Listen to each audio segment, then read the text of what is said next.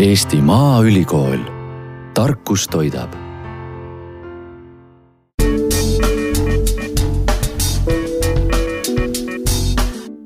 Head teadussaate Innovaatika kuulajad, mina olen saatejuht Martin Hanson ja mul on täna hea meel taas rääkida meie niisuguse juba, juba korra stuudios käinud külalisega ehk Tartu, Tartust Eesti Maaülikooli toiduhügieeni ja toiduohutuse professori Mati Roastoga ja me hakkame rääkima noh, millest muust kui toiduhügieenist ja toiduohutust, aga, aga selle äh, teema tõi nii-öelda võib-olla siis äh, noh, rohkem nii-öelda päevavalgusel üks uuring, mis vaatles Eesti, Läti, Leedu kanaliha. Ja täpsemalt siis äh, selles olevat äh, kompülobakterit, mis tekitab sellist äh, haigust nagu kompülobakterioos. et keerulised sõnad, mida öelda, aga me hakkame rääkima sellest, mis see täpsemalt on. Ähm, Mati, mis ähm, mis see, mis, mis haigus see on, mis äh, moodi see väljendub ja, ja kust me seda saame? kanalihast, jah, seda küll, aga jaa, kui me räägime haigustekitajast, siis tõesti on tegemist termofiilsete kampylobakteritega ja nad põhjustavad haigust kampylobakterioos, noh, see on selline suhteliselt äh, tuntud äh, enteraalne infektsioon, et mille põhisümptomiteks on kõhulahtisus, et ta ei ole tegelikult selline väga raske haigus, enamik inimesi, kes haigestub kampylobakterioosi, tegelikult ei vaja haiglaravi üldse. Et selles suhtes ta on hea, näiteks et võrreldes äh, salmonelloosiga või listerioosiga on ta on ikkagi kergema kuluga haigus. aga noh, mis on oluline teada, et ta on jällegi nendest zoonootilistest haigustest või zoonoosidest, et need on siis loomadelt inimestele üle kanduvad, noh enamasti nad kanduvad üle näiteks toiduga, loomse toiduga, võivad ka taimse toiduga üle kanduda, et ta on Euroopa Liidus, põhjustab kõige enam haigusjuhtumeid, et noh, tavapäraselt enne Covid üheksateist pandeemiat oli kusagil noh, üle kahesaja tuhande, ütleme kakssada kakskümmend tuhat ametlikult registreeritud haigusjuhtumit. ja ta on ka Eestis nendest enteraalsetest infektsioonidest nagu ähm, kõige rohkem põhjustab haigusi, nii et jah, et tegemist on sellise suhteliselt kerge kuluga enteraalse infektsiooniga, kuid ega see kõhulahtisustki meeldiv ei ole, eriti kui ta võib kesta üle paari päeva. aga kas ma saan õigesti aru, et äh, olgugi, et ta ei, on üsna kerge, siis äh, enamasti ikkagi nii raske, et nendest äh, juhtudest antakse teada, et sellepärast meil on need numbrid või kui palju on neid, kes tegelikult teada just, ei anna üldse? Just sellepärast, et need ikkagi juhtumid, mis Euroopa Liidus on ametlikult registreeritud, need kakssada kakskümmend tuhat juhtumit tavapärastel aastatel, et Covidi periood on seda numbrit tugevalt allapoole toonud, aga jah, et need on ikkagi need, mis on ametlikult registreeritud, et patsientidel on ikkagi proovil võetud ja see haigustekitaja on tuvastatud et kindlasti on äh, võib-olla seda haigust isegi kümme korda enam, aga need on need juhtumid, mhm. kus inimene nii-öelda ei reageeri, ei lähe noh, kerge kõhulahtisus, eks ole, ma kujutan ette, et enamik eestlasi ka nagu selle peale haiglasse kohe ei jookse, eks ole, aga, aga jah, et need, need on kindlasti sellised ametlikult registreeritud haigusjuhtumid. ma saan aru, et äh, elab äh, siis linnu soolestikus, ise lind ja. sellest ei nakatu, aga ta nii-öelda siis oma väljaheidetega nii-öelda levitab seda väga, väga mõnusalt, et äh, mis, mis, ähm, mismoodi see kõige nii-öelda niisugusem tavalisem siis see levik on, kuidas ta siis lõpuks inimeseni jõuab? eks ta ikka lihaga on ja noh, me oleme teinud teil selliseid rahvusvahelisel tasemel uuringuid ka, kus äh, mis on avaldatud äh, väga mainekates ajakirjades, et kus me ka uurisime, et äh, kus ikkagi Eesti inimene või üldse Baltikumis inimesed saavad selle kampylobakterioosi, et need algallikate uurimised, et siis me tuvastasime algallikana noh, teada-tuntud nii-öelda, et see on nagu tegelikult kodulinnud kannavad neid, näiteks äh, kanabroilerid kannavad neid oma soolestikus. Ja siis ähm, just nimelt tapmise käigus, äh, nende algtoimingute käigus see fekaalne materjal võib sattuda nagu rümbale ja siis ta võib edasi kanduda, eks ole, ja just nimelt see fekaalne materjal ehk selle fekaalne saaste on nagu see, mis lõppkokkuvõttes äh, kampelobakterid liha peale toovad ja nad võivad kenasti kanduda selle näiteks rümba või muu äh, lihaga, lihatükkidega nii-öelda inimeseni. ja eks see põhiprobleem on siis lõppkokkuvõttes see, et inimesed ikkagi oma kodudes eh, korralikult seda linnuliha ei kuumuta, et õnneks kampylobakterid on küll sellised, mis väga kergesti kuumutamisel nagu hävinevad, hukkuvad. et, et täiesti tavapärane kuumutamine, kui see oleks nagu tagatud koduköögi tasandil, siis meil kampylobakterioosiga probleeme ei oleks ja teine võimalus on siis see, et on kindlasti, et noh, et selle linnuliha ettevalmistamisel tehakse nagu vigu, et noh, kipuvad inimesed millegipärast rümpa, kanarümpa näiteks, kanabroileri rümpa nagu pesema. Et liha pesemine üldse on väga ohtlik tegevus, sellepärast et, et ühelt poolt just nagu me võime mõelda, et liha saab puhtamaks, aga sellega me saastame ära kõik need toidu ettevalmistuspinnad. Ja ega me neid baktereid, mida alati toidutoores nagu mingil määral on, mitte ainult lihas, vaid ka taimses materjalis, eks ole, et ega me tegelikult neid ju ei näe oma silmaga. nii et lõppkokkuvõttes, kui me liha peseme, et siis me kanname need erinevad bakterid, kaasa arvatud need patogeensed mikroorganismid, nagu toidu ettevalmistuspindadele ja selle kaudu omakorda on võimalik näiteks, et saastuvad sellised toidud, mis reeglina kampelobakterioosi ei põhjusta, näiteks salatid ja nii edasi, kui me seda ette valmistame kodus. mis tähendab seda, et, nipp, et see... esimene nipp, mille võiks anda, olgugi et meil ei ole nipisaade, eks ju, aga on see, et mitte pesta liha, vaid ta siis nii-öelda pabersalvrätikuga kuivatada, kui peaks olema vajadus. no kui selleks üldse vajadus nagu on, et mm -hmm. lõppkokkuvõttes on see, et kui me kui me pakendi avame, eks ole, ja siis paneme ahjuplaadile selle liha, eks ole, ja kuumutame ahjus korralikult, siis mitte mingit probleemi ei ole. et äh, ma ei soovita nagu, nagu liigseid äh, tegevusi nagu seoses nagu selle liha ettevalmistamisega, et see, mis on juba pakendis, see on piisavalt puhas ja seda ei ole vaja nagu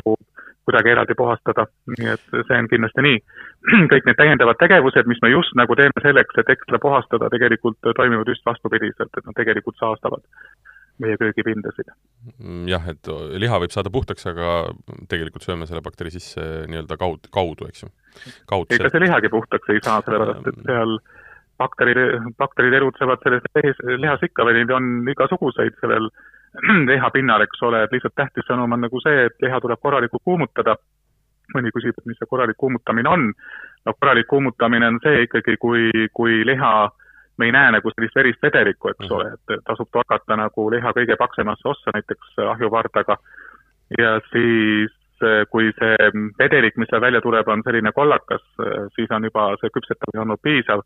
aga kui me ikka näeme sellist veristvedelikku, siis see küpsetamine ei ole olnud piisav. nii et nii lihtne see on. mind natukene üllatab tegelikult see jutt, sellepärast et mitte see jutt, et kuidas teda kuumutada, aga just see, et, et kanalihaga see bakter saadakse sellepärast, et kanaliha ei kuumutata piisavalt läbi. nii kaua, kui mina mäletan, on jutt olnud ikka see, et kanaliha tuleb ikkagi, kui on kuumutatud, siis tuleb veel kuumutada ja siis, kui on valmis, tuleb veel natukene just selle sama pärast, et kõikvõimalikud noh, bakterid sealt nagu ära saada. Mm, ma arvan, et see jutt algas nii-öelda salmonelloosiga või E. coli'ga mm., eks ju um,. aga, aga et, et me siis ikkagi tegelikult äh, ikkagi elame siis maailmas, kus inimesed peale kõiki neid jutte tegelikult kanalihaga ikkagi, kanaliha ala küpsetavad? jaa, aga no kujutage ette, kui sa paned rümba, kanarümba, kanabroileri rümba ahju, eks ole, siis on hästi suur, et et see kipub nagu olema niimoodi, et vaadatakse, eks ole, et pindmised kihid on väga korralikud juba valmis, eks ole, ja arvestatakse, et liha lihaga sellega on nagu korralikult kuumutatud, aga ikkagi, kui päris, me alati hindame tegelikult seda, mis see temperatuur päris sees on, toiduohutuse kontekstis on kõige, kõige tähtsam just nimelt see, et mis see kõige raskemini ligipääsetav osa, eks ole, ka kuumusel, et see on kõige olulisem.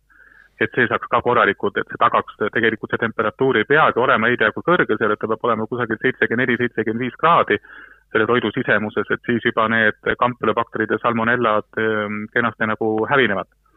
Aga üks asi, mis on ju tulemas nüüd, on ju grillihooaeg. Ja grillitakse ju väga valesti, sellepärast et tihti on see temperatuur liiga, liiga kõrge, kõrvetatakse pealmised kihid ära ja see tähendab ka seda, et see liha tõstetakse grilli pealt ära, eks ole mm. ja siis sageli nii-öelda see liha ei saa seest, just nimelt see seest,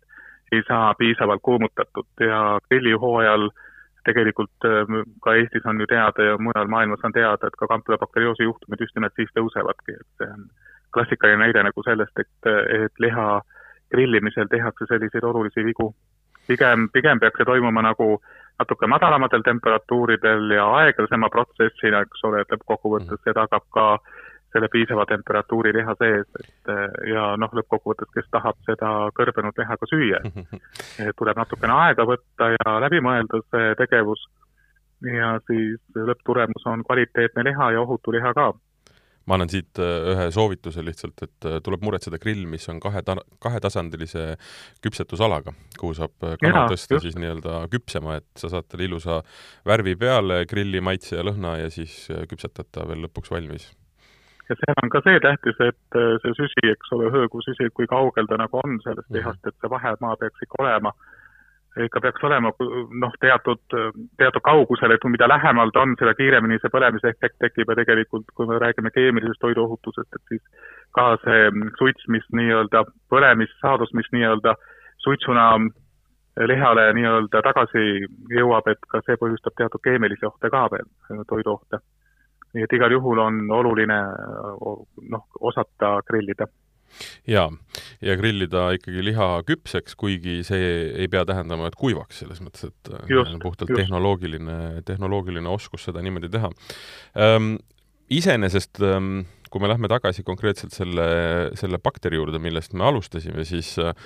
ma saan aru, et äh, me küll räägime tast, sest et ta on olemas, aga Eesti kanaliha osas on tegelikult asi väga hästi vähemalt need numbrid, mis minuni jõudsid. ja ma saan aru, et kaks tuhat kaheksateist aastal oli ähm, üks uuring, kus ühtekokku võeti ka ma loen siit nelisada kakskümmend üheksa värsket kanaliha proovi mm -hmm. ja need olid siis nii-öelda Eesti Leedu ja Läti siis päritolu. ja kas ma saan mm -hmm. õigesti aru, et need numbrid, kust leiti äh, nii-öelda seda, seda bakterit, olid vastavalt siis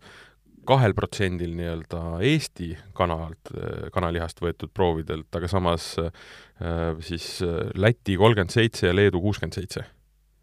protsenti. Need on ikkagi nagu noh, kolossaalsed vahed ju ja Eesti jaoks on need väga rõõmustavad sündmused, aga see näitab, et noh, Eestis tuleb muidugi see linnuliha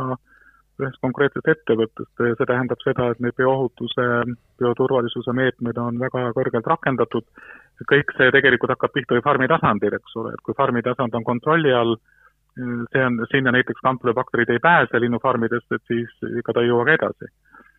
et ja Eesti puhul on, on ettevõtted väga head tööd teinud ja see ongi põhiliselt saavutatav nagu sellega, et me kontrollime sööta, kontrollime joogivett, kontrollime farmi keskkonda, kontrollime, kes nagu farmi sisenevad, eks ole, ja kuidas nad sisenevad, kas nad läbivad kõik hügieenibarjäärid ja nii edasi, et et noh, ma olen alati öelnud, et Eestis on väga kõrge hügieenitase, et Eesti, eestlased, Eesti ettevõtted on, on väga teadlikud nii-öelda toiduhügieeni, toiduohutuse küsimustes ja see on nüüd see tagajärg, väga positiivne tagajärg lõppkokkuvõttes, sest aastal kaks tuhat kaksteist, noh, me oleme üldse uurinud üle paarikümne aasta termofiilseid kampülobaktereid, mitte ainult linnulihas, vaid mujal, et aastal kaks tuhat kaksteist, kui meil suurem uuring oli, et siis oli näiteks Eesti linnuliha saastumismäärad kusagil kakskümmend protsenti, ehk noh, sajast proovist või sajast tootest kakskümmend olid saastunud, nüüd vastav näitaja oli üks koma kaheksa protsenti, ütleme siis, et sajast tootest kaks toodet saastunud ja kusjuures nende termofiilsete kampülobakterite arvukused olid ka madalad, et lõppkokkuvõttes inimene haigestub ikkagi siis, et mitte ainult sellest, et see bakter nagu olemas on, vaid seda peab olema ka suhteliselt palju toidus, mida ta sööb. nii et äh, mitte ainult erimusnäitaja ei ole oluline, vaid ka see arvukus. Ja kolmas aspekt on ka oluline, et näiteks, et kui me isolaadid kätte saame, siis me uurime neid täiendavalt edasi, nende patogeensust, virulentsust, anti, antimikroopsete ühendite suhtes resistentsust, et väga hea uudis oli ka see, et Eesti tüved, kõik need, mis me saime, need mõned üksikud küll, et need olid kõik ka tundlikud antibiootikumidele, mis näitab omakorda ka seda, et et Eesti farmide tasandil ei toimu antibiootikumide väärkasutamist. see on äärmiselt oluline uudis sest Juh. toidutööstuses just räägitakse nii-öelda massitootmises väga palju sellest, et ühe käega antakse nii-öelda ravimeid ja teisega toitu ja kolmas on siis kogu see nii-öelda tekivad probleemid, mis selles kiires nagu masskasvatuses lihtsalt toimuvad. just mm -hmm.. noh, eks üldjoontes ma ei maininud seda, et, kui me üldse kokku võtame selle uurimuse, et siis me ikkagi näeme, et need kampülobakterite nii-öelda saastemäärad langevad nüüd aja jooksul õnneks et isegi kui me võtame kõik need Eesti, Läti, Leedu tooted kõik kokku, eks ole, et ja siis inimesed peavad teadma, et toiduohutuskriteeriumi kui sellist ei ole, nagu sellistele noh, värskele linnulihale, toorele linnulihale ei olegi olemas, aga noh, iseenesest see teadmine, eks ole, et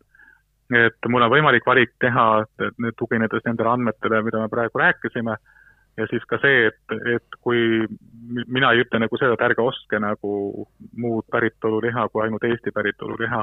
aga ma alati toonitan nagu seda, et, et sellest probleemist saame kenasti koduköögis lahti, kui me korralikult liha kuumutame. et see on väga tähtis, et inimesed ikkagi natukene mõtleks läbi, et et kuidas see koduköögi tasandil see toidu valmistamine nagu toimub ja millised võimalused on meil ka näiteks selle toore materjaliga nii-öelda äh, toidu valmistuspindade saastamiseks, eks ole, et kui natukenegi mõelda elementaarse hügieeni peale, et siis ja täita nii-öelda neid elementaarseid hügieenireegleid, järgida neid, et siis meie toiduohutuse tase vabariigis tervikuna tõuseb oluliselt. ma tahtsin ka seda Nii, just öelda, et ähm, see ei tähenda nüüd seda, et Läti ja Leedu liha, kanaliha ei peaks ostma ega, ega peaks jaa, ei, see ei tähenda vaid, seda muidugi. vaid küsimus on see, et ma noh, põhimõtteliselt tuleb iga kanalihaga konkreetselt kanalihaga, aga ka iga muu lihaga tegelikult käituda ikkagi väga nii-öelda ühtemoodi, sirgjooneliselt ja turvaliselt, äh, lihtsalt võib-olla nüüd, et kui sa näed, et sul on Läti või Leedu kana, et äh, noh, võib-olla see nüüd ehmatab siis tõesti ole, olema nii jäik nendes, nendes reeglites? ei, et kindlasti ei pea ja see on veel kord, et äh, tähtis, et kui oleks meil noh, kui meil oleks ametliku toiduohutuse kriteeriumid, eks ole, ja siis kui leitakse, et midagi on aga väga valesti, siis see tähendab ka seda, et meil ei ole võimalik poest seda toitu osta. nii et Eestis on ikkagi see toidukontroll heal tasemel ja, ja mina olen alati öelnud nagu seda, et kõik see toit, mis poes on, et seal ei pea nagu liiga palju mõtlema, et see peab olema piisavalt ohutu selleks, et seda osta. ja muidugi ainult mitte ohutu, vaid ka kvaliteetne. et Eh, jah, et äkki tuletaks meelde inimestele toiduohutuse viis võtit, eks ole, mida iga inimene peaks nagu teadma, need on väga lihtsad. et hoia puhtust, millest me just rääkisime, see puudutab ka see liha ettevalmistust kodus küpsetamiseks. Eh, eralda valmis toit toorest, et, et valmis toit, mida me ei pea enne tarbimist kuumutama, et see ei puutuks kokku toorainetega et see on väga tähtis. Ja siis rääkisime siin, et tuleb korralikult küpsetada või muud moodi kuumutada toitu. ja siis tuletakse meelde, et toitu tuleb säilitada ohutul temperatuuril, et täna on see probleem, et ka need külmkapi temperatuurid on natuke liiga kõrged, et viimasel ajal me oleme väga selgelt öelnud, et koduse külmkapi temperatuur peab olema reguleeritud kolme kraadi juurde, et see on ideaalne temperatuur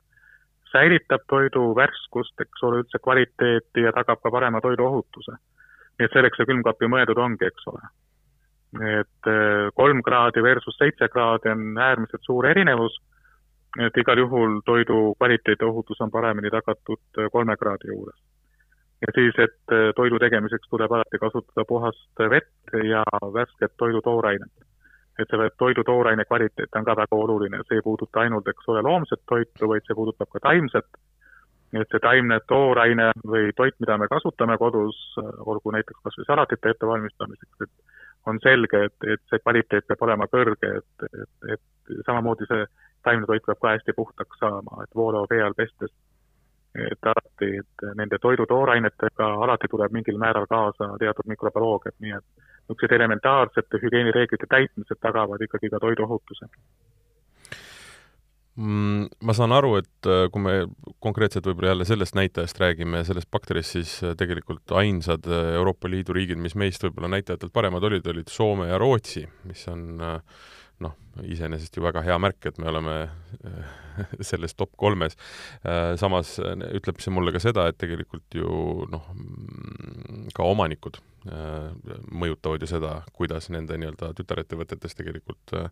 tootmised käivad, et eks see ole ka ütleme, põhjast tulnud äh, mõju, mm, mille, kui kõrgel tasemel nii-öelda see toiduhügieen on. et tegelikult see on, seda on hea teada, et Eesti toitu saab usaldada noh, kõige, kõige osas selles mõttes, et ta on kvaliteetne, värske ja lõpuks on ta ka turvaline jaa, et see integreeritud süsteemi, mida kasutatakse, eriti kui sul on sellised suured ettevõtted, kellel on oma äh, sööda tootmine, eks ole, siis omad farmid, omad lihalõikusettevõtted ja nii edasi. et selline süsteemne lähenemine sellele terviklikule ettevõttele, eks ole, on ülitähtis, et kõik need erinevad etapid toidu tootmise juures on, on hea kontrolli all. Ja me räägime siin jällegi igal tasandil nende bioohutuse meetmete, bioturvalisuse meetmete täitmisest. Ja see tagabki lõppkokkuvõttes meile ohutu toidu. Kui äh, võtta see teema korraks kokku, siis äh, ütlema, et Eesti linnuliha on kvaliteetne, äh, ta on toiduohutuse mõttes igati normaalne, aga siiski nii-öelda kasutage, kasutage nii-öelda loogilist mõtlemist ja, ja, ja küpsetage ja olge, küpsetage korralikult äh, kõik lihad ära ja olge nii-öelda ähm,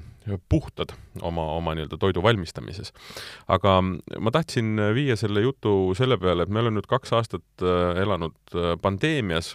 ja, ja võimalik, et on nüüd ka noh, oluliselt rohkem materjali sellest rääkida, kuidas see pandeemia on meid mõjutanud erinevates aspektides, et kas on ka mingit andmestikku või, või mingit niisugust empiirilist arusaama sellest, et kuidas, ütleme, toiduohutuse mõttes on see pandeemia mõjutanud äh, inimesi, kas see on kuna inimesed rohkem kodus süüa teevad, äh, noh, me oleme nüüd liikumas kenasti välja sellest äh, loodetavasti, aga siiski, et mingil hetkel me olime hästi nii-öelda nelja seina vahel ja tegime ise omale süüa, võib-olla noh, väga paljud inimesed esimest korda või ütleme, alustasid. et kas on mingisuguseid näitajaid selle kohta, et kuidas see mõjutanud on just seda aspekti? jaa, meil on suurepärased näitajad ja Terviseameti kodulehele minna selle, seda andmestikku kokku võttes, siis ma võin öelda nagu seda, et et näiteks noh, kui me võtame, et kaks tuhat üheksateist oli veel Covid-19 pandeemia eelne periood, kaks tuhat kakskümmend oli juba Covid-19 pandeemia periood, võrreldes kaks tuhat üheksateist versus kaks tuhat kakskümmend, et siin me võime näiteks öelda, et Eestis kampylobakterioosi juhtumite äh, arv langes kakskümmend neli protsenti. Salmonelloosi juhtumite arv nelikümmend protsenti. Mm, ja näiteks siin ka teised niisugused olulised infektsioonid, nagu näiteks patogeense Escherichia coli infektsioonid äh, on tegelikult ei, siin isegi oli enam-vähem seesama, see number, aga just nimelt nende kõige olulisemate zoonooside puhul, mida ma nimetasin, kampylobakterioos ja salmonelloos, olid ikka väga olulised langused. noh, tegelikult on Euroopa Liidus tehtud ka uuringuid, et kuidas üldse tarbijat mõjutas, tarbijate nii-öelda toidu tarbimist mõjust, mõjutas äh, Covid-19 äh, pandeemia. ja leiti nagu seda, et, et toidu, et tarbitava toidu kogused tegelikult suurenesid. aga sellegipoolest äh, haigusjuhtumite arv langes drastiliselt. Ja selle taga ei ole mitte midagi muud kui see, et toidus võetud, koduköökides võeti nagu rohkem aega nagu selleks, et seda toitu korralikult ette valmistada. Inimesed leidsid, et toitu tulebki korralikumalt kuumutada. Ja noh, ega ei tohi ära unustada seda, et see isiklik hügieen tervikuna oli ju tollal ikka väga heal tasemel, et kätepesu ja desinfitseerimine näiteks. inimesed mõtlesid natukene rohkem selle mikrobioloogia peale. Ja, ja see tõenäoliselt tingis ka nagu selle, et, et, et et inimesed kuumutasid toitu paremini, ei hoidnud seda toitu ka külmkapis liiga kaua,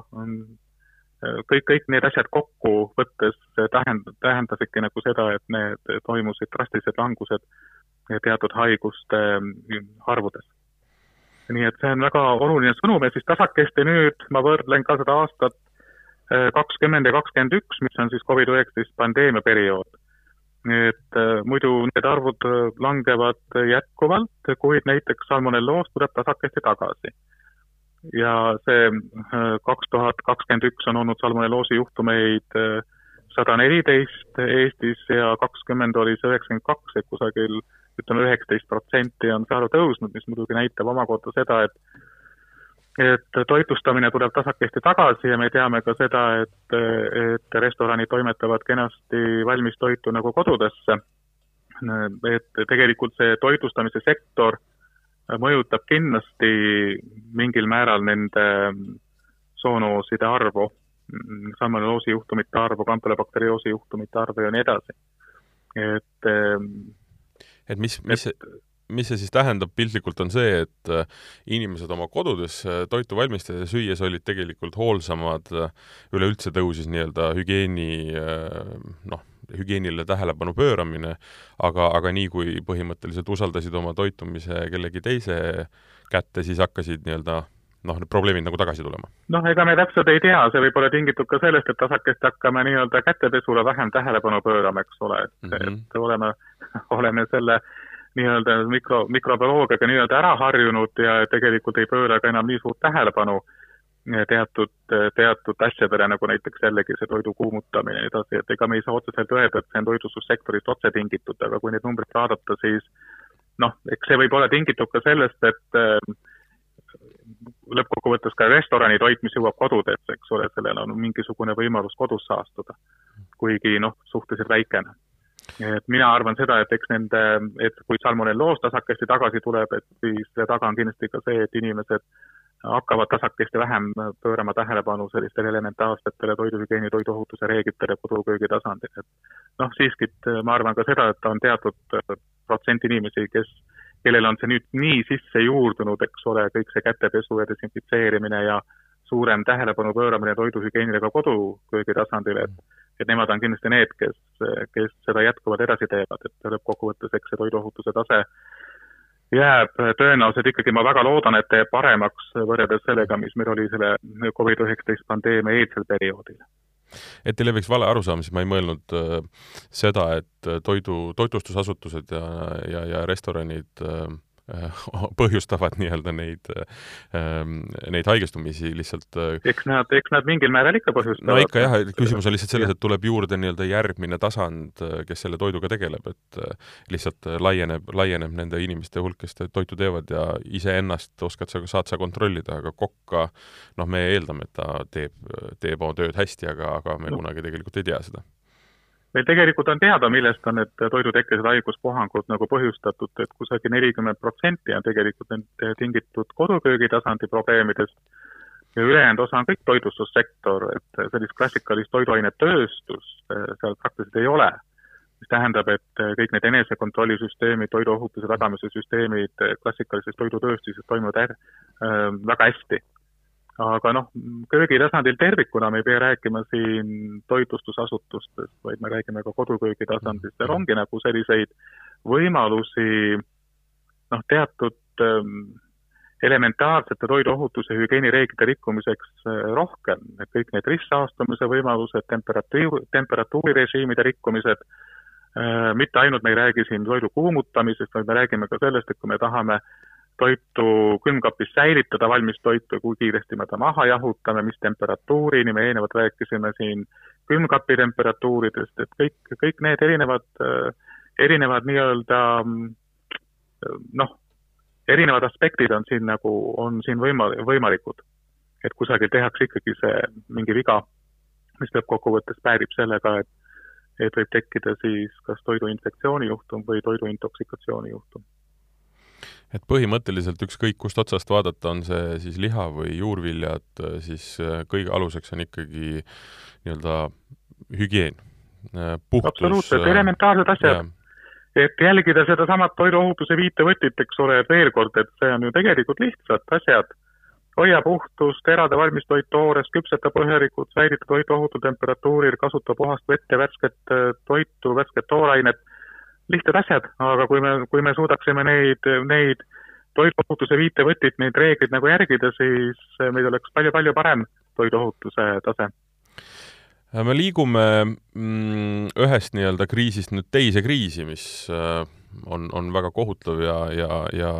Ehm, Ukrainas toimuv äh, mõjutab ka tegelikult nii-öelda toidusektorit. ma saan aru, et see kõik on väga uus ja tegelikult seda andmestikku tõenäoliselt ei ole ja me ei oska siin ka hinnata, mm, mis see nii-öelda nagu tulemus võib olla, aga kui me rääkisime sellest, et, et nii-öelda toidu tootmise sektor on oma sisekontrolliga ikkagi väga heal tasemel ja see toit, mis jõuab põhimõtteliselt nii-öelda poest meieni, on, sellega nagu väga muret ei ole, nüüd ähm, natukene me jõuame sellesse noh, lüüa nüüd nagu mõra võib-olla, äh, kuna ma saan aru, et võivad tekkida probleemid näiteks äh, kanadel söödaga, samamoodi sigadel söödaga, e, mis tähendab seda, et see on nüüd aspekt, mida enam võib-olla ei taha, ei saa nii-öelda see toidutootja kontrollida. et kas võib olla, kui me siin vaatame näiteks tulevikku, võivad tekkida probleemid sellest, et me ei tea, kust see sööt tuleb või, või üleüldse mm, sealtkaudu mingid probleemid nii-öelda toidu tootmisse ja sealt nii-öelda toiduhügieenilised äh, probleemid? jah, ega me ette ei tea, aga toidujulgeolek on ju väga tähtis, et me suudaksime ikka enda kodumaal toota nii sööta kui ka toitu piisavalt, et sellest on viimasel ajal palju nagu räägitud, et sellised kriisisituatsioonid tuletavad seda jälle nagu meelde, et ja kui see oleks meil kodus toodetud sööt ja toit kõik, eks ole, siis on ka meil ta parema kontrolli all. aga, aga sul on õigus, et ette ei tea et kui, kui näiteks tulevad siia mängu nüüd uued riigid, eks ole, kes, kes Eestisse äh, sööta impordivad, et, et loomulikult, aga selleks on olemas vastavad riiklikud järelevalveasutused, kes, kes kindlasti tegelevad selle nii sööda kui toidu kontrolliga ja, ja lõppkokkuvõttes ma arvan, et, et siin mingit olulist suurt probleeme toiduohutusele ei teki hmm. Nii et Eestis toodetav, Eestis müüdav toit on ohutu, tuleb lihtsalt olla tähelepanelik, noh, millest me oleme juba kolm korda rääkinud, et et olgugi, et see uuring on tehtud ja seal need numbrid on olemas, siis noh, lihtsalt nende, nende olemasolu, noh, ütleme, bakterioloogia olemasolu on niikuinii ju täitsa tavapärane, et nüüd on lihtsalt küsimus, et kuidas nendega hakkama saada. jaa, et mina veel kord tuletaks meelde, et kõik see toit, mida me poes saame osta, peab olema ohutu, piisavalt ohutu ja ka piisavalt kõrge kvaliteediga. nii et liigselt kartma ei pea, aga ärme teeme ise äh, vigasid mm -hmm. koduköögi tasandil, et veel kord, see on ikkagi muljetavaldav protsent, et nelikümmend protsenti toidutekkelistest haiguspuhangutest saab alguse koduköögi tasandist, eks ole, see näitab, kui palju me ise saame midagi ära teha mm. -hmm. et jälgime siis seda, et kuidas me poest toitu ostame, mis temperatuuril me seda hoiame, kui pikk üldse see reis on nagu sellest ähm, poest, eks ole, koduni, eks ole, ja ometigi, kui me nii-öelda ostame ka sellist toitu, mida tuleb hoida madalatel temperatuuridel või külmkapi temperatuuridel nii et kõik need asjad peavad olema elementaarselt läbi mõeldud, ärme häbeneme kasutada ka külmakotte, eks ole, külmakasti selleks, et transportida ähm, nii-öelda selle külmsäilitatavat toitu poest kodu, koduköögini. ja siis kõik see, mis koduköögi tasandil toimub, hoiame seda elementaarset puhtust ähm,, valmistame liha eraldi ette, eks ole, taimsest toidust. Äh, mõtleme nagu läbi, millal me midagi valmistame, millal need pinnad rohkem puhtad on, äkki peaksime kasutama ka mitut lõikelauda, ühte näiteks taimse toidu jaoks, teist äh, loomse ehk liha jaoks. Ja, ja vaatame ikkagi need, mõõdame ära äh, oma külmkapi temperatuuri, et nagu ma ütlesin, et, et minus, minu, minu käest te saaksite kiita, kui te, kui temperatuur külmkapis oleks kolm kraadi kes soovib äh, natukene pikemalt kuulata sellest ähm, nii-öelda toiduhügieenist ja toiduohutusest ja, ja ka nendest viiest võtmest äh, veel pikemalt ja veel laiemalt, siis äh, Innovaatika saatesarja üks esimesi saateid oli meil professor Roastoga, kus me istusime ikkagi tunni ja natukene peale ja rääkisime tegelikult väga detailselt need asjad kõik lahti. et Delfi taskukanalis Innovaatika all on see saade kindlasti kuuldav ja leitav, et see oli väga põnev ja väga hariv ka mulle, just täpselt nende pisikeste detailide puhul, mida tegelikult äh, ka mina köögis üsna nii-öelda kodusena, kodus ennast tundva inimesena tegelikult tegin ja olen äh, teinud seal kindlasti parandusi, ma ei oska nüüd öelda, kas, kui palju see on kasu toonud, sest et ma ei ole mõõtnud, kas äh, palju, palju minul on äh, nii-öelda olnud probleeme seedimisega, aga mulle tundub, et kui meeles ei ole, siis järelikult ei ole, eks ju. just Äh, suur aitäh ähm, Mati Roastole, professorile Tartu Maa, Eesti Maaülikoolist. Äh, me rääkisime toiduhügieenist ähm, ja, ja peaasjalikult äh, küll kanalihast ähm, ja Covidi mõjust, aga, aga mm, kindlasti ei tasu karta ühtegi Eestis müüdavat toiduainet, tuleb lihtsalt kasutada neid õigesti. toituge tervislikult, sööge eestimaist ja äh, ja kohtume järgmises saates järgmiste teemadega.